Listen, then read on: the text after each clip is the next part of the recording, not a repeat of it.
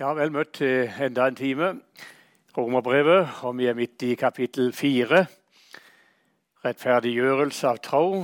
Og i forrige time så hørte vi det at uh, å bli rettferdiggjort av tro er det helt motsatte å bli rettferdiggjort av gjerninger. Nå skal vi ha et lite avsnitt her midt i kapittel fire. Vi kan gjerne kalle det for litt forskjell på lovpakt og nådepakt. Eh, men eh, før vi leser sammen, så vil vi også be sammen.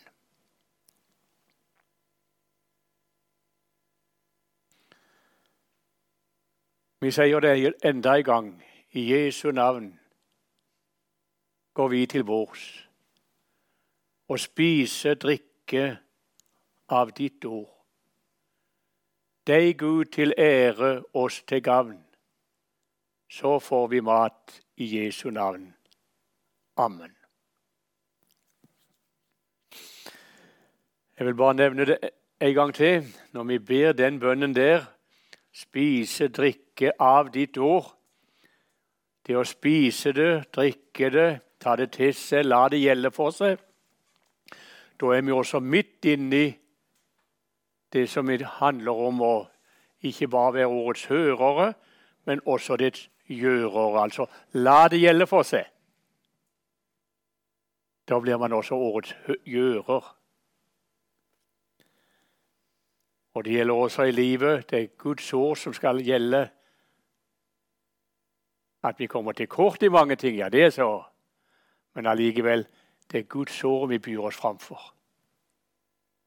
Og la det gjelde. Men da skal vi lese videre kapittel 4 fra vers 13 til og med vers 17. For det var ikke ved loven Abraham eller hans ett fikk det løftet at han skulle være arving til verden, men ved troens rettferdighet. For dersom de som holder seg til loven, er arvinger, da er troen blitt unyttig og løftet satt ut av kraft. For loven virker vrede, men der det ikke er noen lov, der er det heller ikke noe lovbrudd. Derfor fikk han løftet ved tro, for at det kunne være nåde, slik at løftet kunne stå fast for hele ætten. Ikke bare for dem som har loven, men også for dem som har Abrahams tro. Han er jo far til oss alle. Slik det står skrevet, til far for mange folkeslag har jeg satt deg. Han er vår far i Guds øyne den Gud som han trodde på, han som gjør de døde levende, og kaller på det som ikke er til, som om det var til. Her begynte det sånn, for det var ikke ved loven Abraham eller hans ett, som vi nå har hørt om, hans ett altså med troen, som troenes far og hans ett på den måten. Det var ikke ved loven de fikk det løftet at han skulle være arving til verden men ved troens rettferdighet.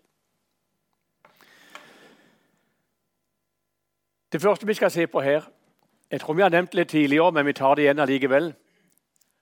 Abraham fikk et løfte, leste vi. I Bibelen har vi mange løfter. Hva er et løfte for noe i bibelsk betydning? Det er mer enn det at det bare Gud lover at noe skal skje, osv. en eller annen gangen. Hvis vi tenker på Har vi bursdag eller jul eller hva det måtte være, så er det av og til at man får et gavekort. F.eks. fra en skobutikk. Hvis du har fått et gavekort fra en skobutikk, har du fått noe da? Eier du noe? 1000 kroner står det på gavekortet. Ja visst eier du noe. Du har ikke vært i butikken og sett skoene ennå. Du har ikke tatt dem ut. Du vet ikke hvilke sko du kommer til å ta ut heller. Men du eier noe allerede. Når Gud gir et løfte, så er det som et gavekort. Jeg eier allerede det som løftet taler om.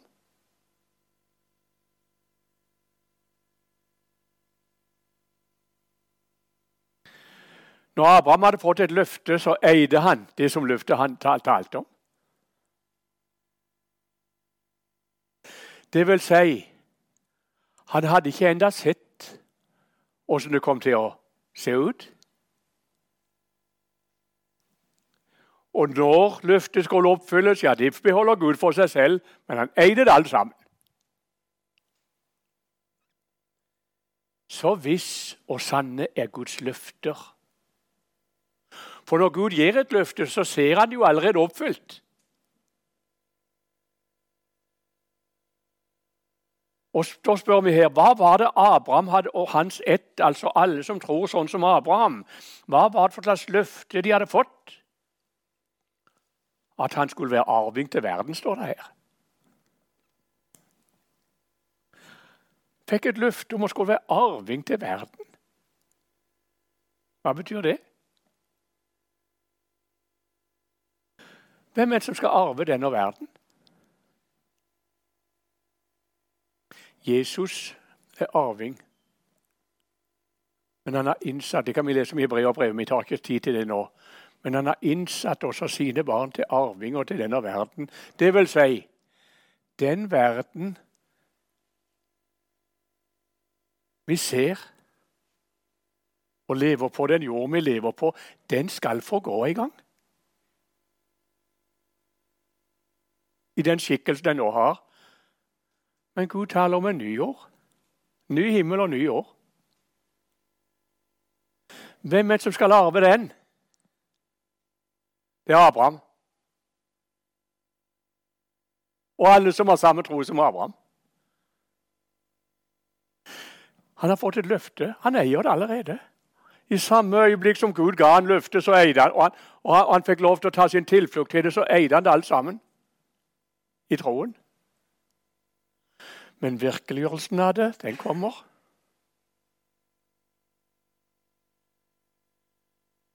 Tenk deg å skal være arving til det fullkomne Guds rike.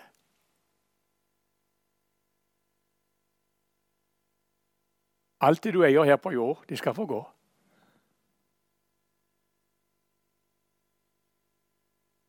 Men jeg skal sammen med Jesus og alt hans folk arve ny jord. Jeg skal få leve der.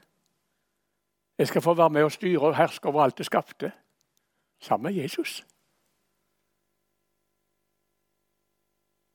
Og så eier jeg det allerede, som et gavekort. Det er også andre løfter i Bibelen. Har du levd på et løfte noen gang? Jeg vet godt hva det er for noe. Du fikk et løfte fra Gud, og så du de, fikk du sett din lit til det, og så var det med og bar deg gjennom. Gud så det oppfylt. Vi eide allerede i troen. Tvilen kan komme mange ganger mens vi venter på at det skal oppfylles men et løfte som et gavebrev. Man eier det. Lyst til å ta med det. Så står det her det var ikke ved loven, altså det var ikke med noe selvvirksomhet som Abraham skulle gjøre, at han fikk løfte om at han skulle arve, verden, arve verden, arving til verden. Men ved troens rettferdighet. Helt uforskyldt. Så kommer det videre. For dersom de som holder seg til loven, er arvinger, da er troen blitt unyttig. Da løftes at ut av kraft. Det gjelder ikke lenger. Hvis du vil ha noe selvvirksomhet med, så er det ikke lenger ved tro. Da mister du alt. Da er også løftet helt unyttig. Vi har hørt Abraham som noe gudelig blir rettferdiggjort helt uforskyldt.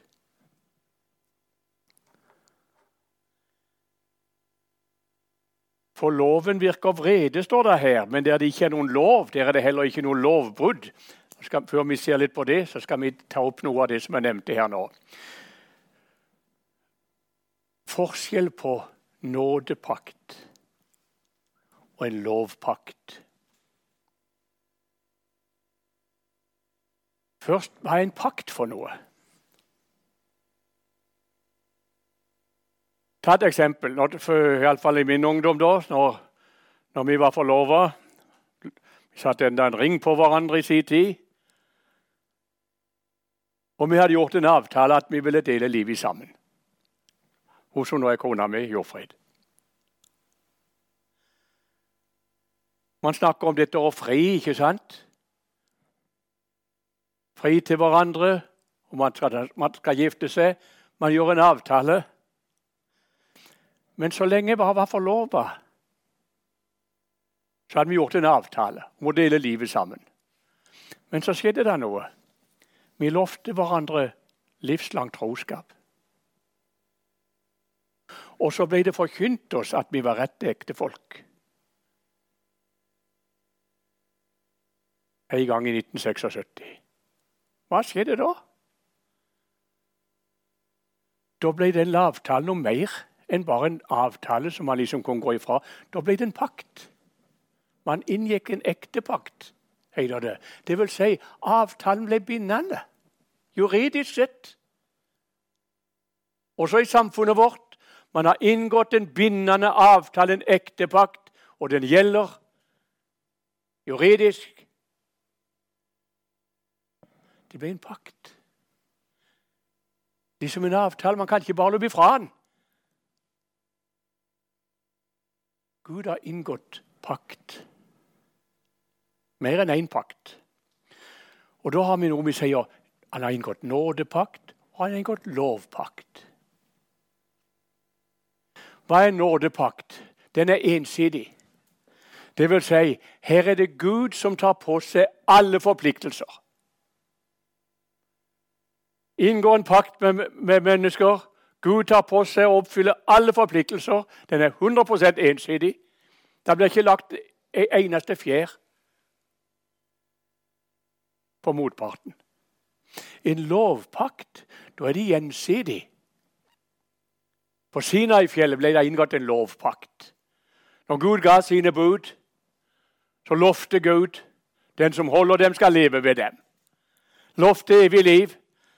Det er den som holder Guds bud, og svarte folket alt det Herren har sagt, det vil vi holde oss etter, og det vil vi gjøre. Betingelsen var hold budene. Og som vi har hørt før, ikke bare sånn i det ydre, men hele vår personlighet. Vær fullkommen som Gud er fullkommen, og du skal få evig liv. Det ble inngått en pakt, men det var også mer. Forbannet er hver den som ikke blir bedt i alt som står skrevet i lovens bok, så han gjør det.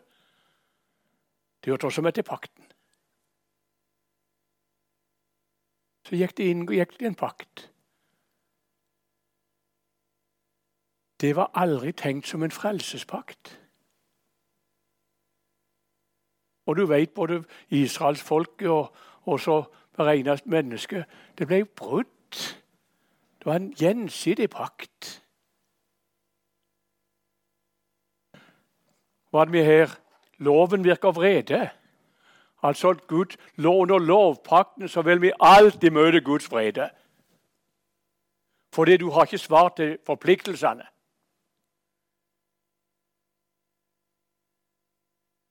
Men hva er nådepakt? Gud inngikk en nådepakt med Noah.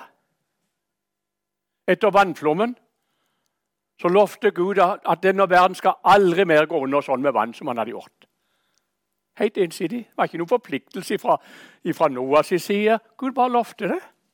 Han satte regnbuen på himmelen som et paktstegn. Når du ser regnbuen på himmelen, så kan du tenke at Gud har lovt denne verden skal aldri mer gå under med en vannflom. At denne verden skal få gå i gang, ja, det står fast. Når det fullkomne Guds rike skal inntre. Men Gud har lovt noe ensidig. Da han gikk inn og gikk en pakt med Abraham, så var det nådepakt. Skal bli far til et stort folk, i deg skal alle jordens slekter velsignes. Den fikk sin oppfyllelse i Jesus Kristus. Det var han som skulle fullføre og og selve innholdet også i pakten. Og legg merke til der var alle forpliktelsene lagt på Gud selv. Jesus, hans sønn. 100% Og enn vi har hørt om rettferdiggjørelse. Gud kommer med en rettferdighet som kommer fra Gud, som Gud gir til et menneske, slik at man kan bestå han på dommens dag. Hva var innholdet i det som vi hørte om i kapittel 3? All vår synd soner straffa med døden. Hvem var det som døde? Guds egen sønn. All, oppfylt 100% alt hva Gud krever av et menneske. Hvem var det som gjorde det? Marias sønn. Guds sønn. Jesus. Altså en nådepakt, en ensidig pakt, der Gud tar på seg alle forpliktelsene 100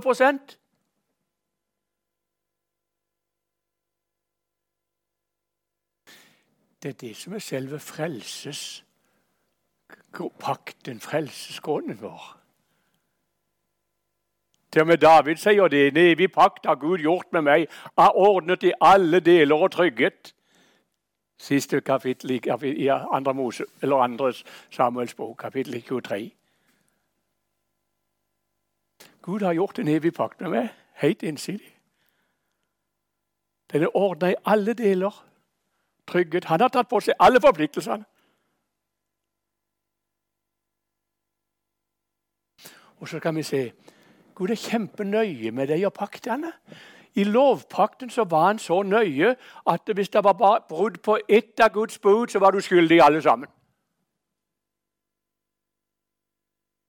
Han er like nøye i nådepakten.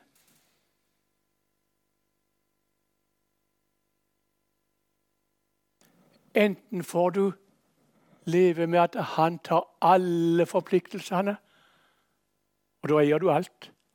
Men hvis du vil blande inn litt av ditt, så blir du utenom alt. Selvvirksomhet, uansett hva det måtte være for noe.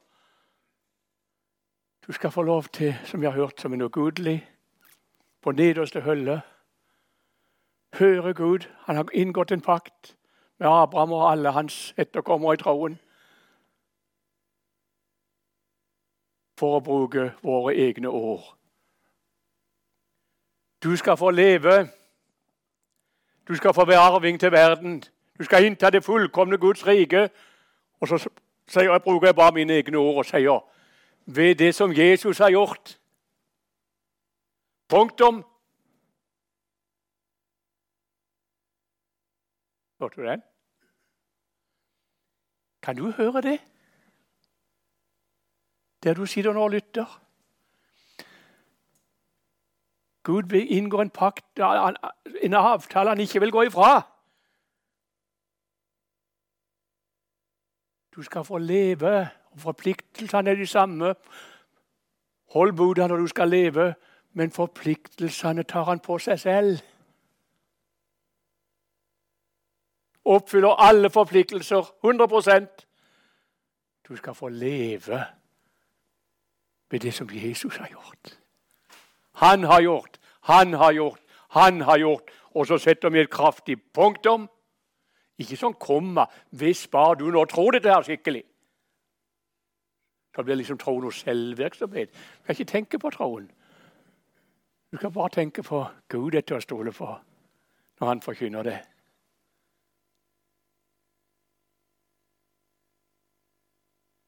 Sånn var det Abraham fikk del i den nådepakten der Gud tok på seg alle forpliktelser 100% Og så har han fått et, et løfte, et gavekort.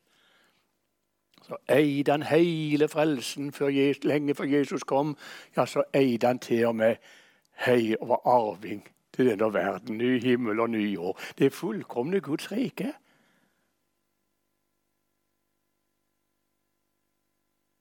Det var helt nødvendig at det var en nådepakt. Ellers var det intet menneske hadde blitt frelst. Når ikke Abraham i gang med romskjærelsen kunne ha noe å tilregnes, så er det heller ingen andre som har noe. Takk og lov. Og da sto det altså her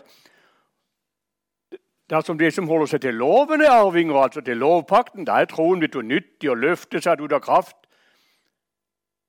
For loven virker vrede. altså Her betyr det, det at loven vil alltid nedkalle Guds vrede over oss av det ble brudd. Men der det ikke er noen lov, der er det heller ikke noe lovbrudd. Jeg satt bilen ut forbi på, på Underland her, som jeg er nå. Det gjorde dere òg når dere kom hertil. Tror det henger noen lapp her ute om at uh, parkering forbudt, eller at dere må bot for at uh, dere har parkert feil. Nei, jeg gjør ikke det, for det er ikke noe forbudt å parkere bilen her. Kan ikke bryte en lov som ikke finnes. Der er et sted der det er ingen lov her. Ikke ett bud, ikke ti bud, ingenting. Og da er det heller ingen lovbrudd. Hvor er det? Det er i nådepakten. I frelsespakten. For der er det han, han, han har tatt på seg alle forpliktelser. Ingenting er lagt på det. Den var ensidig. Du vet Som Luther sa en gang, du skal få leve overfor Gud, ditt hjerte overfor Gud, som da fantes verken ett eller ti bud. Og da jeg skal få leve der, i friheten i Kristus Jesus.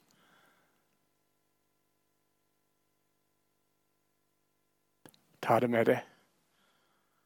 Gud kommer deg i møte med samme budskapet til deg som til Abraham. Det gjelder både Abraham og også hans ett, som det står. De som har samme tro som Abraham, som er ugudelig, uten selvvirksomhet, får sette sin lit til hans. Det han forkynner oss. Ordet og løftet. Og nå er det jo sånn Når det gjelder løftet om han som skulle komme, nå er jo ikke det lenger bare et løfte, nå er det et oppfylt løfte.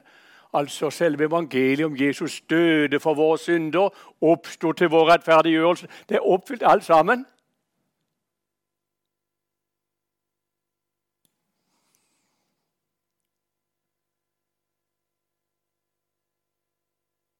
Derfor fikk han, vers 16, derfor fikk han løftet ved tro, for at det kunne være nåde slik at løftet kunne stå fast for hele etten, ikke bare for dem som har lov, men også for dem som har Abrahams tro. Han er jo far til oss alle. Både jøder og hedninger måtte bli frelst slik som Abraham ble frelst. Og da er han stamfar til alle de som i sitt hjerte står for Gud på nederste hylle som en ugudelig og just derfor må ta sin tilflukt til Jesus som sin frelser.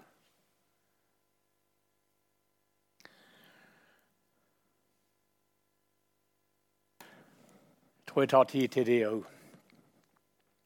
Vi nevnte så vidt litt i forrige time om dette med en død tro. En død tro som ikke virker noen ting, altså i den, den, heller i Altså en selvvirksomhetstro. Jeg skal bare ta et eksempel. Det var en som påsto og sa det sånn, sånn. Ja, han trodde nok på Jesus. Og så hadde han fått høre om dette her, at det var ikke hans liv som teller for Gud, det er Jesu liv. Så sa han at det er ikke mitt liv som teller, sa han. det er Jesu liv. Og så levde han som han ville selv. Tar du den? Da levde han i synd. Og brydde seg ikke om å ta oppgjør med det. For det er ikke mitt liv som teller, det er Jesu liv. Det er en misbruk av hele evangeliet. Og det skjønner vi. Det er ikke en som står i sin erkjennelse overfor Gud om å erkjenne og innrømme sin synd og sin ugudelighet og derfor trenger en frelser. Men det er en som bruker evangeliet som en plaster og trøst for at man selv kan leve etter sin egen forgodtbefinnende. Og da skjønner vi godt det er en død tro. Den virker ikke noen ting. Og så så et Guds barn som fikk et nytt sinn, og som begynte å leve med Jesus, men som opplevde det som vi skal komme tilbake til i kapittel 7. Man hadde enda en gammel natur som ikke var forbedra på ett punkt. Og Derfor kunne de mest ugudelige tanker dukke opp også etter man ble kristen. Da måtte du til Jesus med det. Erkjenne det. Du lever der. Du kjenner på den gamle naturen. Ja, ja. Og Det skal vi komme tilbake til kapittel 7 og 6. Men du ser forskjellen. Den som bruker evangeliet for å slippe å komme i syndenød, for å slippe å ta oppgjør med sin synd. Og den som erkjenner og står for som en stakkar og ugudig, har ingenting, men just derfor trenger en frelser. Skal vi ta det siste nå, på slutten?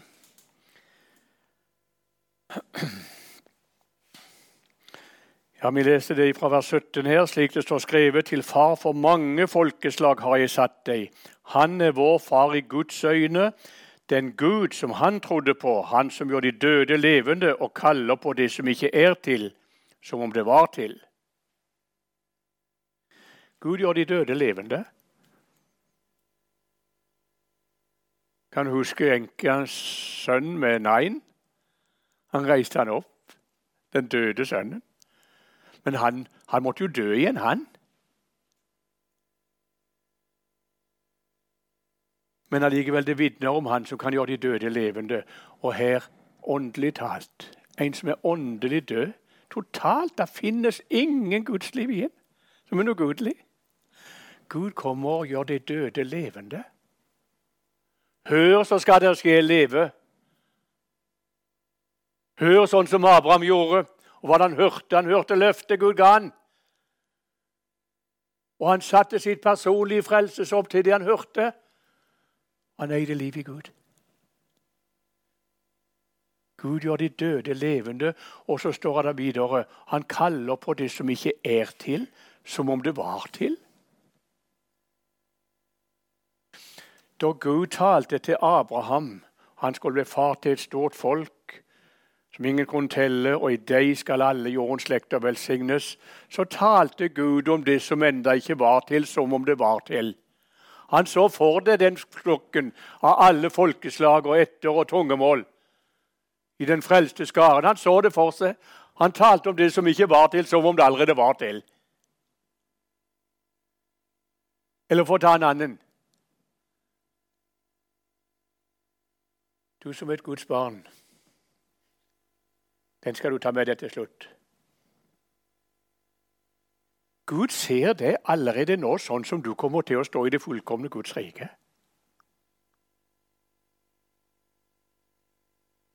Ja, men ser han ikke de synd? Ja, det gjør han. Ser mye bedre enn du ser òg. Men åssen da? I, frel, I nådepakten, i frelsespakten, der har han lovt å aldri mer komme de synd i hu. Hjemme må vi til Jeremias. Der står det.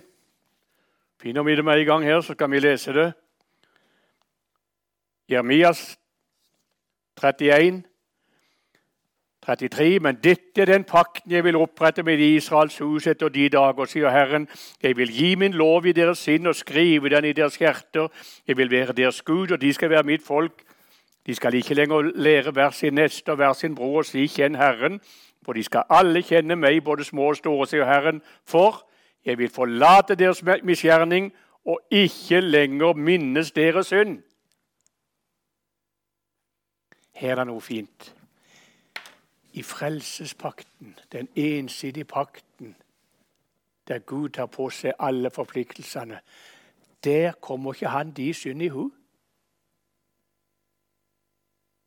Det er det ingenting som vekker hans mistanke om synd. Der ser han det sånn som du kommer til å stå i det fullkomne Guds rike. 100% rein.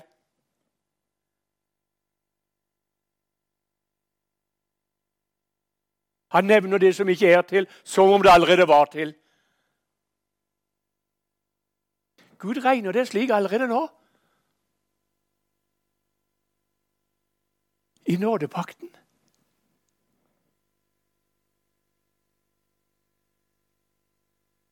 Du skal øve deg og regne likedan det du er i Kristus.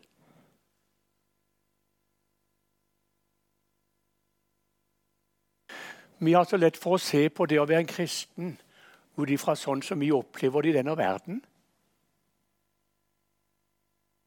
Og da opplever vi mye rart.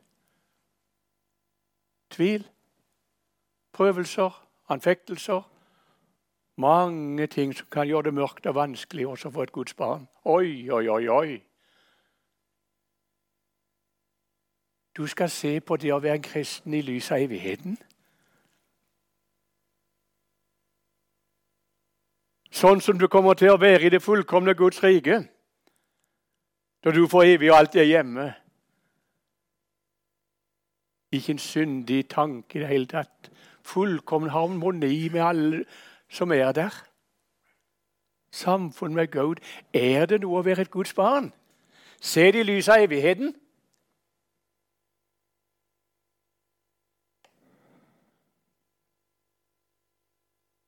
Slik ser Gud det. Vi skal få lov til å regne med det.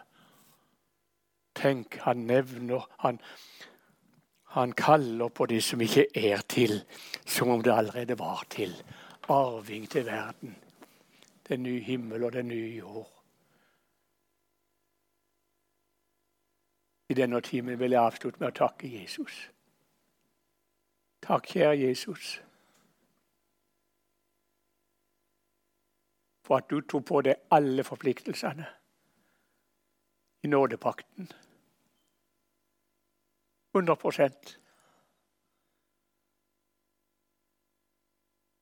Takk for at du har oppfylt alt sammen. Takk for at det finnes et sted der det ingen lov er, som legges på oss for du kommer til oss med alt som er oppfylt i din person.